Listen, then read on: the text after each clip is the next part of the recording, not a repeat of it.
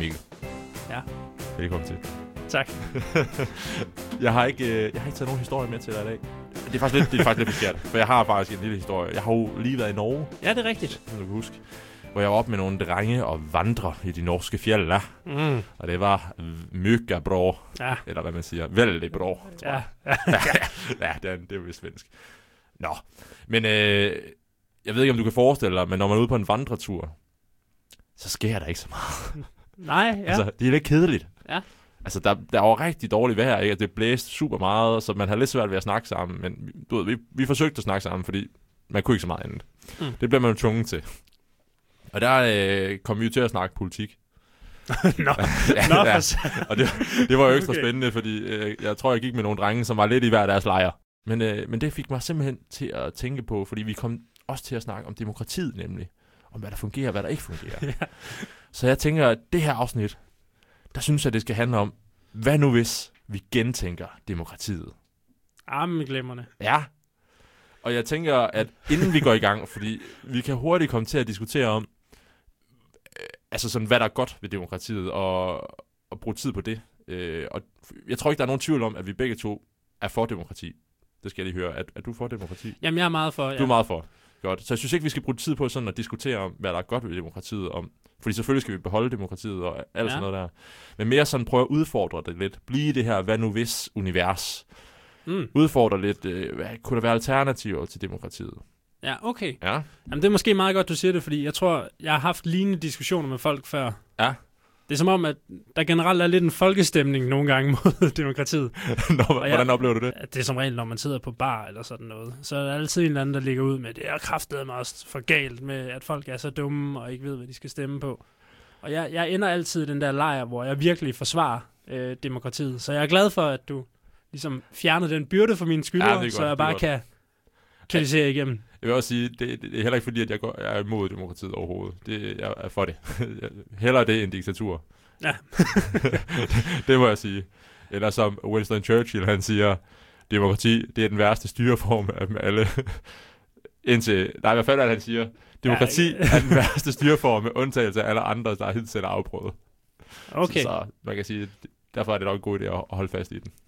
Jeg tror, min far han siger, at demokrati er den mindst dårlige styreform. I forhold til det, så kan Ja. jeg jo lige fortælle som uh, fun fact, at min far nu er lytter af programmet. Hej, Og, uh, Hej Mikkels far. og uh, han har sagt uh, flere ting, blandt andet, at det var hyggeligt at høre, men også, at det var prætentiøst, og vi ikke vidste noget. og så sagde han også, i. øh, vores spidskompetence var øh, ligesom medicinen, så vi skulle fokusere på det. Oh, nej. Så han blev virkelig glad for at høre, at vi nu går ind og Jeg vil gerne have lov til at øh, undskylde på i forhånd. tale sætter øh, demokratiet. Ja, Sådan er det. sådan er det. Jamen, det er godt. Det er, så er det, det er en god start allerede. Ja, men så vil jeg gerne høre, hvad, altså, hvad kan du ikke lide ved demokratiet? Jamen, jamen, altså, hvis man så skal prøve at kigge lidt kritisk på, på, øh, på demokratiet, Mm. så synes jeg godt, man kan tillade sig at stille sig selv spørgsmålet. Har flertallet nødvendigvis altid ret? For eksempel valget af Hitler som rigskansler i 1933 som eksempel. Ja. Flertallet valgte jo ham som rigskansler. Mm. Retrospektivt set Ja. var det et dårligt valg. Ja, det var... Hvis nu flertallet er tilstrækkeligt uvidende på et mm. område, eller let at manipulere med, Ja, hvorfor skal de så have et say? okay.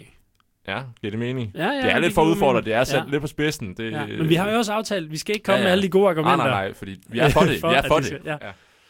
Men, men kan du følge? Kan Ja, følge jeg kan tanken? godt følge dig. Ja. Hvad tænker du så, skal vi så, hvis man gør nogle handlinger, diskvalificere sig selv fra at kunne stemme, eller skal man tage en IQ-test? Jamen, det er, fandme, jamen, det er fandme et godt spørgsmål, ikke? Altså, fordi det, er også, det virker også lidt øh, skørt, hvis man nu skulle til, ligesom, øh, man har jo den her danske test i dag. Ja. Altså, så, det virker også lidt åndssvagt, hvis man skulle tage en danske test for at få lov til at stemme i Danmark, ikke? Jo, men, Men, det kan godt være, at det er sådan noget, man skulle gøre. Altså, at man på en eller anden måde tog en test, inden man skulle stemme. Og så der, hvor man ved noget, Ja. ja. det, er der, det er de områder, man får lov til at stemme. det er selvfølgelig en mulighed. For mig at se, og det mås- siger måske også noget om mit politiske ståsted, så som udgangspunkt er det ligegyldigt, om man kommer fra øh, Syrien eller Danmark i sammenhæng med, hvordan man ligesom skal behandles. Også i forhold til, hvis man nu søger et job, så synes jeg ikke, man skal kigge på, at den her person er syrisk afstamning, eller er dansk afstamning. Det er ligesom, hvem der er bedst klædt på til at tage jobbet. Ja. Og man kan jo godt betragte det at stemme og tage stilling til store samfundsmæssige spørgsmål som et job. Ja. Og så sige, jamen på lige vilkår, så både dem, der kommer ind i landet, og dem, der er født her, de skal gøre sig fortjent til at kunne stemme. Mm. Ud, men man kan så sige, udfordringen ved det der, Ja. øh, ville det så ikke være, at man, man kan sige, kunne man så ikke risikere, at der kom et større skæld, der netop er nogen, der så kommer til at på en eller anden måde få det vinklet sådan, at det er dem, der kommer til at bestemme, og så er der ikke nogen andre, der har noget at sige. Ikke?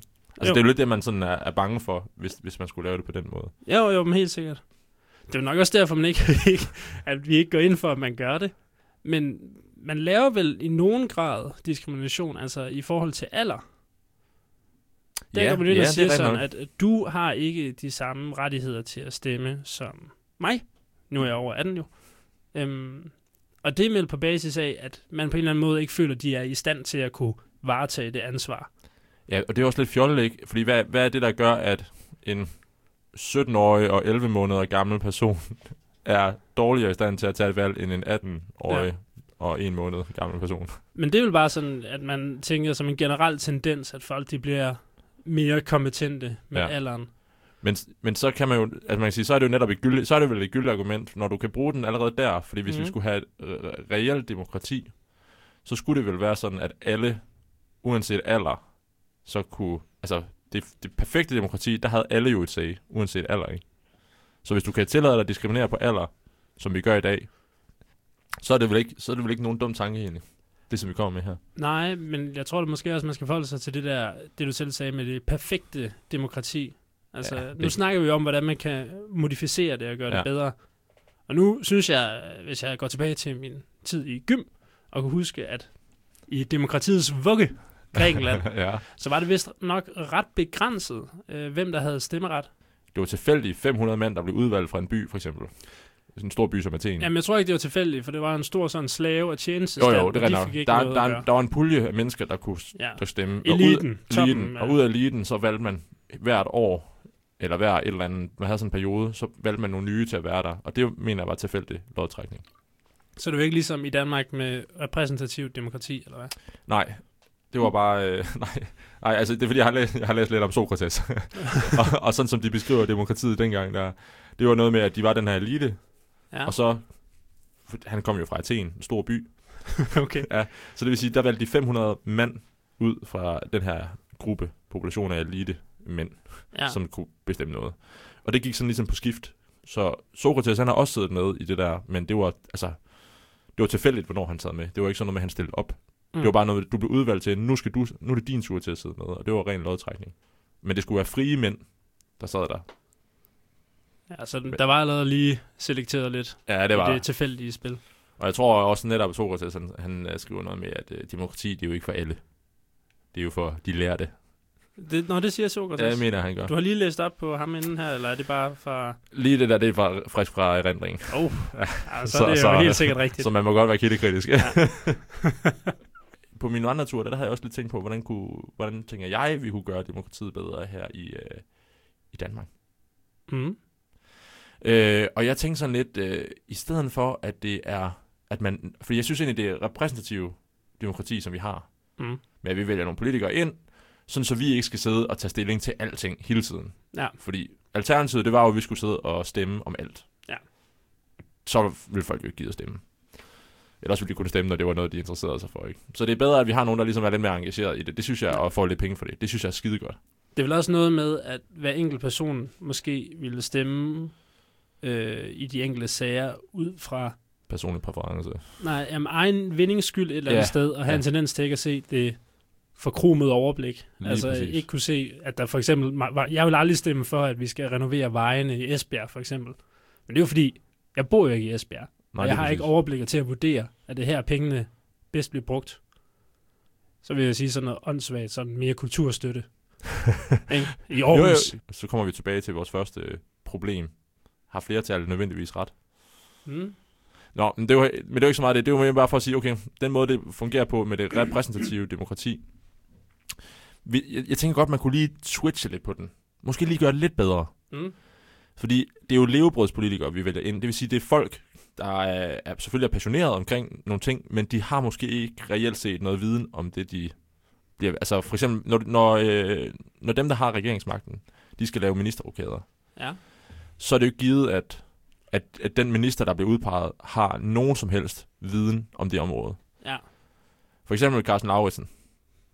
Manden havde jo knap nok fået blæ på, og var kommet i Folketinget, før han, han blev øh, valgt ind som øh, skatteminister. Jeg synes, jeg synes, der er et eller andet forkert øh, ved, at man, altså, ved at du kan få lov til at bestemme så meget, og vide så lidt Mm. omkring et emne. Han har jo aldrig styret et firma, eller han er heller ikke uddannet inden for regnskab og IT, eller sådan noget af den stil. Så på den måde, så synes jeg bare, at det kunne være, det kunne måske være lidt øh, forfriskende, med, der havde lidt mere ekspertise. Altså sådan, så de ikke kun var de her øh, departementryttere, der kommer embedsmænd, der kommer og feeder deres politikere med, med information, men sådan, så det måske var nogen, der rent faktisk havde noget erfaring inden for området, der sad og, og, og bestemte med. Ja, fordi Øh. det er, det er da lidt mærkeligt, at man den ene dag kan være landbrugsminister, og så den næste dag, så kan man blive, det ved jeg ikke, kirkeminister. Altså det, det er da to meget vidt forskellige ting, sådan umiddelbart, tænker jeg. Mm. Så og jeg, jeg tænker ikke, det lige ligger op til, at man som person nødvendigvis lige har de to interesser. Ja. Øh, Så det er sådan lidt... Og bevares, nu sidder jeg selv med en politisk forening, øhm, og altså hver gang du starter jeg, på jeg noget synes nyt... lige, du skal fortælle, hvad for en politisk forening. Jamen, jeg jeg, sidder jeg tror, med man tænker et parti, når du siger det der. Nå, ja, ej, jeg sidder med i en fagforening, øh, Foreningen for Danske Lægestuderende, FADL. Mm. Jeg sidder med her i lokalforeningen i Aarhus. Øh, og det er, jo, lige- det er jo noget nyt for mig. Det er jo noget, jeg lige er, er startet på. Og, og jeg synes godt, man kan mærke, at hver gang man er ny, så, så er der lige en periode, hvor du ligesom... Man skal lige ind og lære det hele at kende. Øh, der er mange ting, man ikke lige har øh, styr på endnu. Altså det får man, det får man styr på. Eller, der, er- eller ikke, man kan sige. Der er mange ting, man ikke ved noget om endnu. Mm. Det er sådan, der er nogle ting, man ligesom skal lære. Øh, og man kan også mærke, at der er også noget mere ansvar, og der er noget økonomi og sådan noget, der skal styr på. Så det er jo, og der er det jo fedt at kunne alliere sig med, med nogen, der er fastansatte, som har været fastansatte igennem flere år, der kan hjælpe en med at få styr på alle de her ting. Øh, hvis man skal lede ordentligt, så skal man helst være sat ind i tingene. Mm. Og hvis, hvis, det, hvis du hele tiden bliver sat over i noget nyt, så når du aldrig rigtig at komme ordentligt ind i tingene. Og så er det altså svært at lave noget god ledelse eller en god strategi Ja. inden for det område. Øh, så det kræver altså alligevel noget kontinuitet på en eller anden måde. Det er vel ikke et problem med demokratiet, det her? Nej, nej, det er måske mere, det, nej, det er nok, det er måske mere dem, der så sidder, i, altså dem, vi har valgt ind, Jo. der, der, der er problemet, ikke? Jo, jo altså, at man sådan- tager den slags ja, beslutninger. Så man kan sige, selve det repræsentative demokrati, vi egentlig har i Danmark, fun- altså er egentlig, modellen er god, men dem, vi så rent faktisk har til at sidde og effektuere det, eller hvad man skal sige, dem, som sidder og lever af det, som gør det, de er måske ikke de bedste kandidater. Nej, så- men så de, så er det- fordi de er folkevalgte, for eksempel ja. ja. til at blive udenrigsminister, eller hvad ved jeg. Ja. Altså, jeg ved godt, at man ikke bliver folkevalgt ind til en position, men man får så mange stemmer, at man skal have er en, nogle en vigtig- positioner for Ja. ja. at få noget indflydelse. Men det, men det, var det, det leder mig lidt tilbage, fordi jeg, kom ikke, jeg blev ikke helt færdig med det, jeg tænkte, man skulle gøre. Fordi jeg tænker lidt, at man skulle gøre det, at man kunne kun stille op. For eksempel sige, jeg vil gerne stille op som, lad os sige, man, jeg vil stille op som udenrigsminister, whatever, et eller andet, eller inden for udenrigssektoren. Mm. Så er det der, jeg vil stille op. Fordi, at jeg, lad, mig, lad, lad os sige, jeg, har, jeg ved noget om politiske forhold i, ude, i international politik, jeg ved noget om økonomi, whatever, et eller andet. Ikke? Der er et eller andet, der gør, at jeg er berettiget til at kunne stille op her. Fordi jeg har noget know-how på det her område. Ja. I stedet for, at det er bare en eller anden levebrødspolitiker. Ej, det ved jeg ikke, det er måske også... Jamen, Jeg kan også- vi slynger jo bare idéer Ja, ud her. nu, nu, vi har det sagt, brainstormer at, vi. ja, vi vi brainstormer gider bare. ikke komme ind på alle det er argumenterne bare fordi, imod. nej, nej, nej, jamen, det er bare fordi, jeg, synes, jeg kan godt høre noget af det, jeg siger, det lyder måske sådan lidt dumt. Fordi, eller sådan, jeg, jeg, kan godt høre lidt det hule i det, tror jeg. Eller sådan, jeg, kan godt, jeg kan selv komme på nogle modargumenter mod det, og så synes jeg bare, det bliver lidt hule på en eller anden måde. Jamen, det synes jeg, det er jo bare fint, at du kan det. Ja. tak, tak. Hvis jeg må øh, komme med en enkelt øh, indskud Ja. i den diskussion der, øh, så vil jeg give dig helt ret. Jeg synes, det virker mærkeligt, at man sætter ledere ind inden for et fagområde, der ikke ved noget om det fagområde. Ja. Men det lader til at være en generel tendens. Altså, det er også noget af det, som de rigtig store virksomheder, de for eksempel gør. Ham, der leder Motorola for eksempel. Jeg tror ikke, han ved særlig meget om mobiltelefoner. Nej. Altså, han gør, han gør nok nu, Ja, ja, fordi han Ikke har, det, han er han har siddet der i noget tid, ikke? Så jeg tænker, at der nok er en række gode argumenter for, at det forholder sig sådan. Jeg kan bare ikke helt se den. Og det vil jeg bare lige have, at man har i baghovedet. Mm. Når det så er sagt, så er der eksempler på det andet. For eksempel Esben Lunde Larsen, ja. som er en politiker, en meget kristen politiker, som blev forskningsminister. Ja. Okay. Og, og det synes jeg simpelthen var altså så mærkeligt. Yeah. Det må jeg sige. Og der er der jo en stor diskussion om, kan man forene religion og videnskab? Og øh, der vil jeg sige, det kommer an på, hvordan man definerer religion. og det er måske en diskussion, vi ikke skal gå ind i. Men den måde, som Esben Lunde Larsen benytter sin religion og i talesætter den og definerer den, så synes jeg, det er meget svært at forene det med at være Enig. forskningsminister. Øhm, men det, vi behøver ikke at gå mere ind i den diskussion. Nej. Nå, ja. nu har vi jo snakket en masse om noget, vi ikke ved noget om. Ja, det er rigtigt. Det er noget, din far han godt kan lide. Jeg har jo en, alter- en alternativ ja. idé til en samfundsstruktur, der ikke er demokratisk. Jamen, lad mig høre. Jeg har gået og brygget på den oh. i mange år. ja. Den tager udgangspunkt i en film. Uh. Jeg har valgt at kalde det genetisk teknokrati. Teknokrati. Ja, genetisk teknokrati. Fedt. Vi skal tilbage til 1997, hvor den amerikanske instruktør Andrew Niccol laver filmen Gattaca. Det er en god film. Ja, og jeg kan ikke huske, hvornår jeg så den. Men jeg kan huske, at jeg så den som en ung dreng, og jeg tænkte, den her, den er fed. I en ikke så fjern fremtid følger vi Ethan Hawke, skuespilleren. Øhm, jeg kan ikke huske, hvad hans karakter hedder. Og i den her ikke så fjern fremtid er præmissen ligesom, at man er blevet rigtig god til at kortlægge DNA og hvilket, øh, hvilke egenskaber det vil give folk, hvis de har en særlig DNA-sammensætning. Mm. Det kan man allerede. Man kan godt tage sådan en test fra øh, en embryo, fra et lille æg, og så kan man simpelthen sige i mange tilfælde, har det her barn både tendens til at få nogle genetiske lidelser, og man kan også sige, det vil helt sikkert få et vist antal specifikke lidelser. Mm. Vi er ikke så langt med teknologien endnu, men det er altså noget, der hele tiden udvikler sig. I filmens univers, der er man lige gået skridtet videre, og så er man øh, begyndt at sige, hvis vi nu finder et barn, der for eksempel har en øh, stærk, alvorlig genetisk lidelse, så modificerer vi den. Og det vil altså sige, hvis man nu for eksempel har en øh, 100% risiko for at få kræft i leveren, så går man ind i DNA-koden og fjerner det specifikke gen, Det der giver smart. den her risiko. Jamen, det er nemlig ja. lidt smart. Og øh, i den her film, så er man lige begyndt at gøre det, da Ethan Hawks karakter blev født. Mm. Så forældrene, de går sådan hippie-mode og siger, vi skal ikke, øh, vi skal ikke pille ved naturen. Lad ham bare komme til verden, som han er. Ethan Hawke kommer til ver- verden, og man laver så en DNA-analyse, og den viser sig, åh, oh, det spiller ikke helt. Der er ret høj sandsynlighed for, at Ethan Hawke han bliver syg og dør i en meget ung alder. 30,6 år.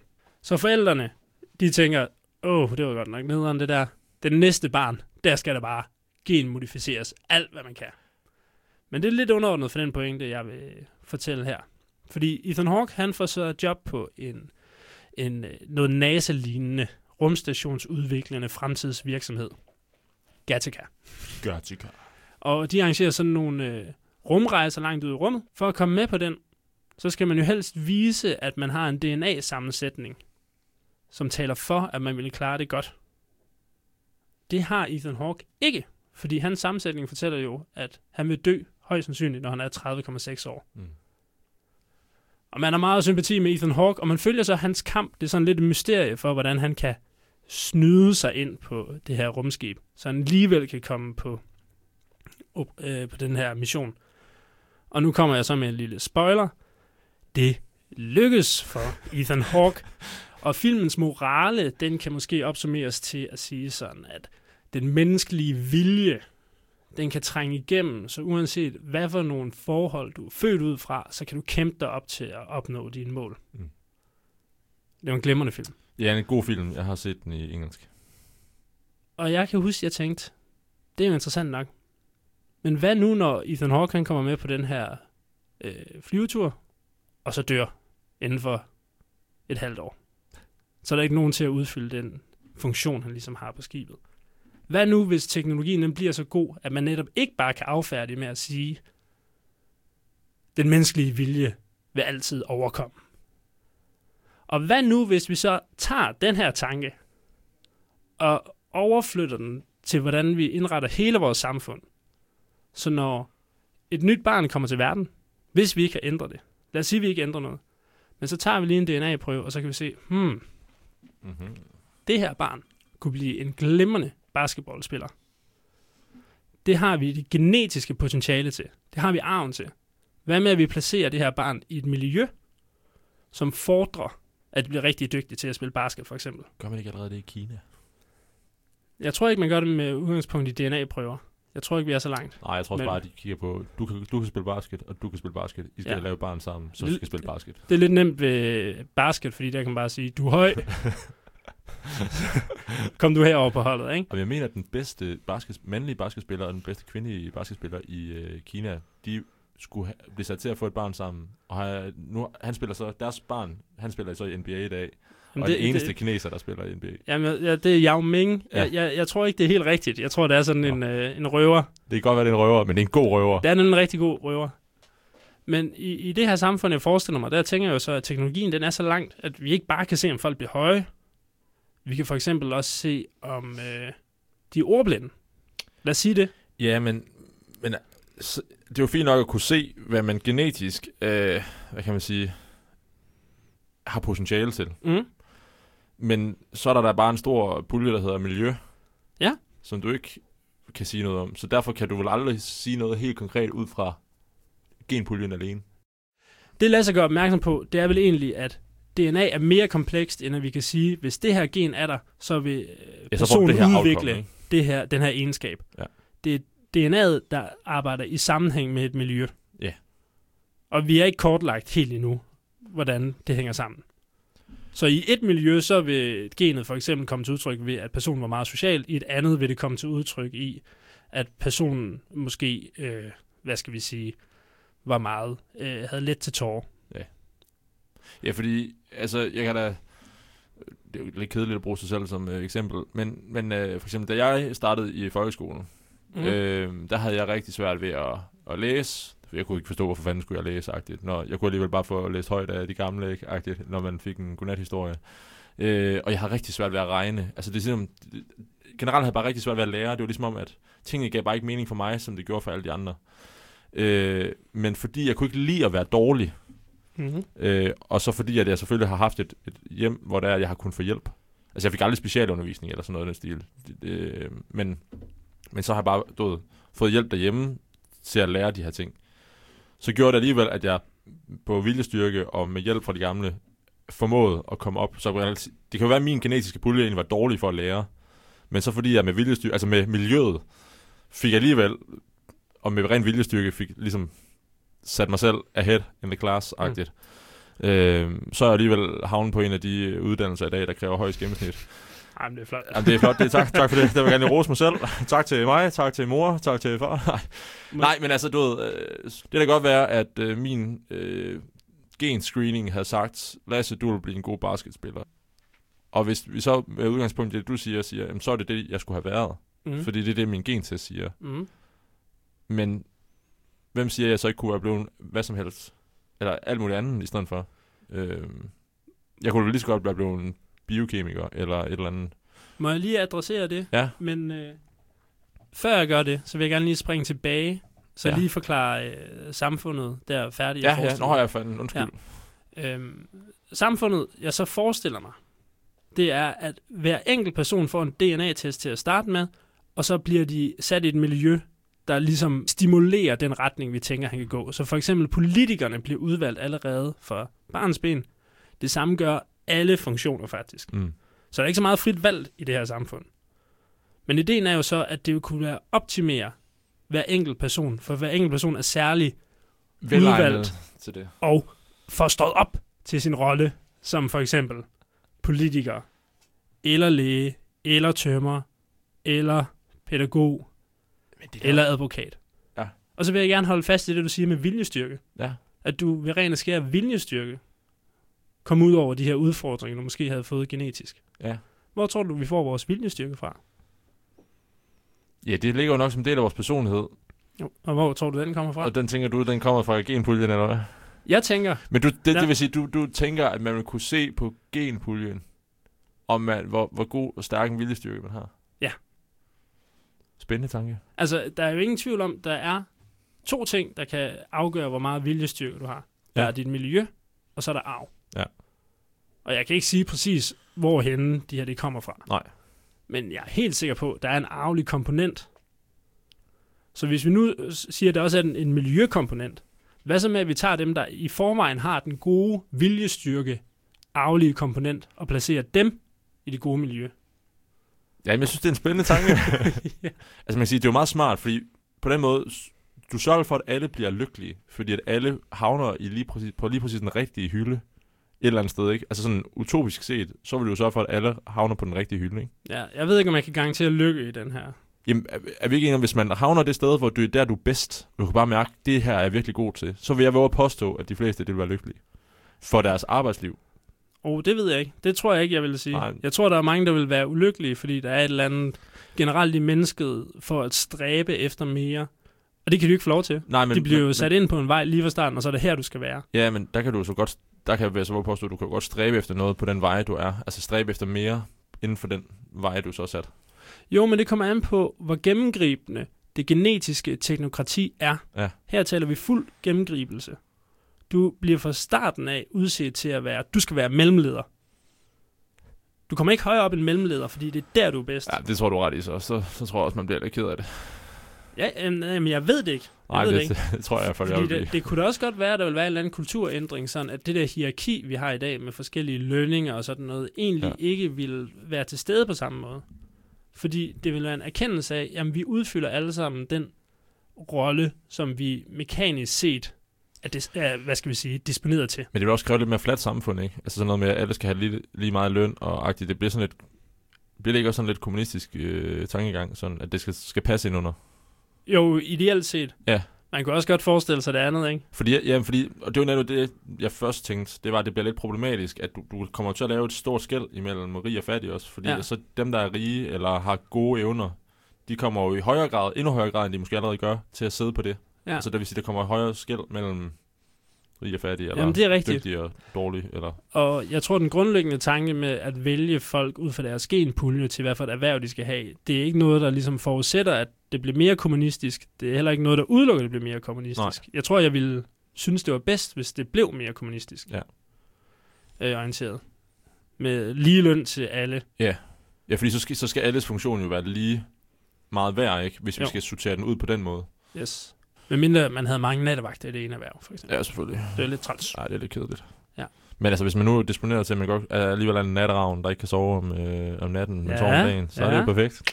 Jo, jo, men jeg tror også, der bare er nogle grundlæggende ting. Øhm, der er nogle grundlæggende ting, som alle mennesker bare synes er nederen. Ja. Altså, så kan det godt være, at nogen er disponeret til bedre at kunne håndtere nattevagter end andre. Men det er lidt nederen for de fleste. Ja, jeg tror, jeg tror sgu, de fleste synes, det er lidt kedeligt med en nattevagt. Ja. Ja. Jeg glæder mig i hvert fald ikke til det. Jamen, det var bare lige en, det var bare lige en tanke, jeg havde. Jamen, jeg synes, jeg synes, øh, jamen, det er en, jeg synes, det er en spændende tanke. Jeg er bare bange for, at der så vil være endnu større skæld mellem mennesker. Ja, men hvad nu, hvis det så var det kommunistiske øh, inspirerede genetiske teknokrati? Fair nok, men der skal være noget, der driver dig. Jo. Og så, så der er i hvert fald ikke nogen økonomisk vinding, så. Nej.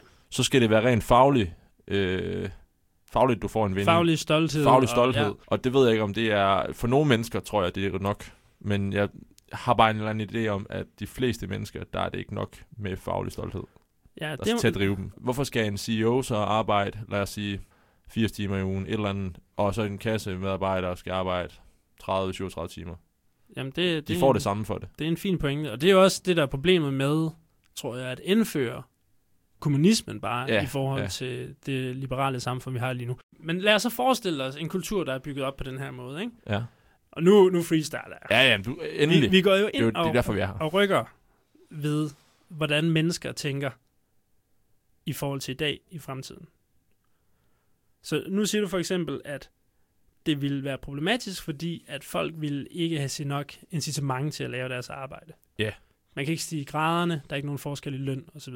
Ja. Der er nogle mennesker, som ser nok incitament i deres arbejde, på trods af, at de ikke har de her... Ja, jamen, det fornægter jeg heller ikke. Det, det, jeg, siger, Okay, jeg, jamen bare- jeg siger også, de findes. Ja. Og jeg siger bare, men jeg tror bare, for hovedparten, Ja. så tror jeg bare, at der er nogen, hvor det ikke er tilfredsstillende nok. Altså sådan, Ja. Jeg, oh, jeg ville så gerne have, at du sagde det der. Jeg ville så gerne have det. Men, og det er fordi, hvorfor har de den præference, de har? Hvorfor er det nok for nogen, og ikke nok for nogen andre? Og det vil jeg jo sige, det skyldes to ting. Miljø og arv. Ja. Og i det genetiske teknokrati, så kan vi pille ved begge ting. Ah, Så vi Så- begynder så også at kunne kan- selektere folk så, til... Så du vil manipulere alle folk til at sige, at det er nok. At arbejdet er nok. Øh, den faglige stolthed er Vil, nok vil det ikke være en smuk løsning? Alle vil- folk ville være lykkelige det over det, de være- lavede. Det ville da være fantastisk. Ja. Det ville det da. Men vil du så gerne være neurokirurg og arbejde 80 timer, hvis du kunne nøjes med at arbejde 30? Hvis jeg var designet til det, så ville jeg være lykkelig elsker over det. Men så, hvad så med partner? Fordi mm. så du godt at du havde en partner, der var lidt utilfreds med, at du aldrig var hjemme, og hun var hele tiden hjemme. Men hvis hun også var designet til det, Men så skal, så skal man jo... Ja, ja, det, det, det Ja. kommer nemlig... Det er Ja. godt, du siger det der, fordi det kommer nemlig hen til min pointe. Så det vil sige, så skal man jo også allerede have bestemt, hvem din partner skal være. ja, igen, det kommer an på, hvor gennemgribende man vil have. Øh, Jamen, hvis det skal være så gennemgribende, så skal jeg jo vide, så skal dem, der sidder... Altså, de skal jo have fastgjort. Lad os sige, Mikkel, du skal være neurokirurg. mm. Du skal være gift med den her dame. Øh, og hun skal kunne øh, holde ud, at du er meget væk. Ja, men jeg tror, det må være sådan, du skal være gift med en for den her pulje. Tror du ikke, det er sådan? At, fordi vi har designet, eller øh, den her pulje er særligt disponeret i forhold til at er acceptere lange arbejdsdage. Og de er også har en, disponeret i forhold til at øh, have nogle af de samme interesser måske, overordnet set. Jeg tror ikke, det er sådan, man kan sige helt... Det kan man jo selvfølgelig godt forestille sig, at man helt perfekt bliver skræddersyet til hinanden. Men lyder det så ikke som om, at det, der bliver en masse puppets, og så er, er der nogen, der bliver The Puppet Masters? Jo, Altså sådan lidt, og hvem skal så være dem, der, der styrer, hvor folk skal hen, og alt sådan noget, der er ikke... Hvem skal så være dukkeføreren? ja. Og det, øh, det er jo måske... det, så er det jo dem, der øh, sidder på den rigtige magt, jo. med- De kan jo for eksempel være demokratisk valgt. Jamen, det kan de jo Jamen, det kan det jo princippet, ikke? snilt. Ja. Det er det snilt. Og, så kan man så sige, jamen hvis man allerede har påvirket og ændret folks DNA til at være lydige borgere, sker ja. der så nogen revolution overhovedet? Vil de her puppet masters nogensinde kunne blive smidt af deres magtpedestal? Og det kan man så sige, nej, det vil være lidt svært, det vil være problematisk. Men er det ikke også problematisk allerede i dag? Der har vi så ikke gået ind og påvirket dem via gener, men vi påvirker da alle folk i den grad via deres miljø og hvad for nogle samfundsstrukturer, de er født ind i. Jamen, det er rigtigt nok. Det er rigtigt nok. Ja, Ej. true. Ja, true. Ej, jeg mener, jeg kom lige til at space ud, fordi jeg var sådan lidt... Jeg tror, vi skal til at slutte nu. Øh, jeg ved ikke. Okay. Jamen, det kan også være, det bliver langhåret. Nej, nej, nej, nej, nej. Det var bare, fordi jeg ikke lige hørte efter, hvad du sagde, men det var fordi, jeg lige... Ja, det, det er fordi, jeg tror, vi bliver sgu nødt til at smutte nu. Men skal vi så ikke... Jeg synes ikke, vi er færdige med det her afsnit. Synes du det? Nej. Skal vi ikke sige, at vi laver en part 2? Jo. Det er også lidt det, jeg, det, var det, jeg sad og lidt og panikkede over i mit hoved, så jeg hørte faktisk slet ikke efter, hvad du sagde. Men det er godt, vi har optaget Ja. det, for så kan jeg jo lige høre det. Det skal siges, at vi er løbet tør for tid, og der står nogen, der skal bruge studiet. Ja. Så vi laver lige en Men så siger vi uh, tak for den gang. hej. hej.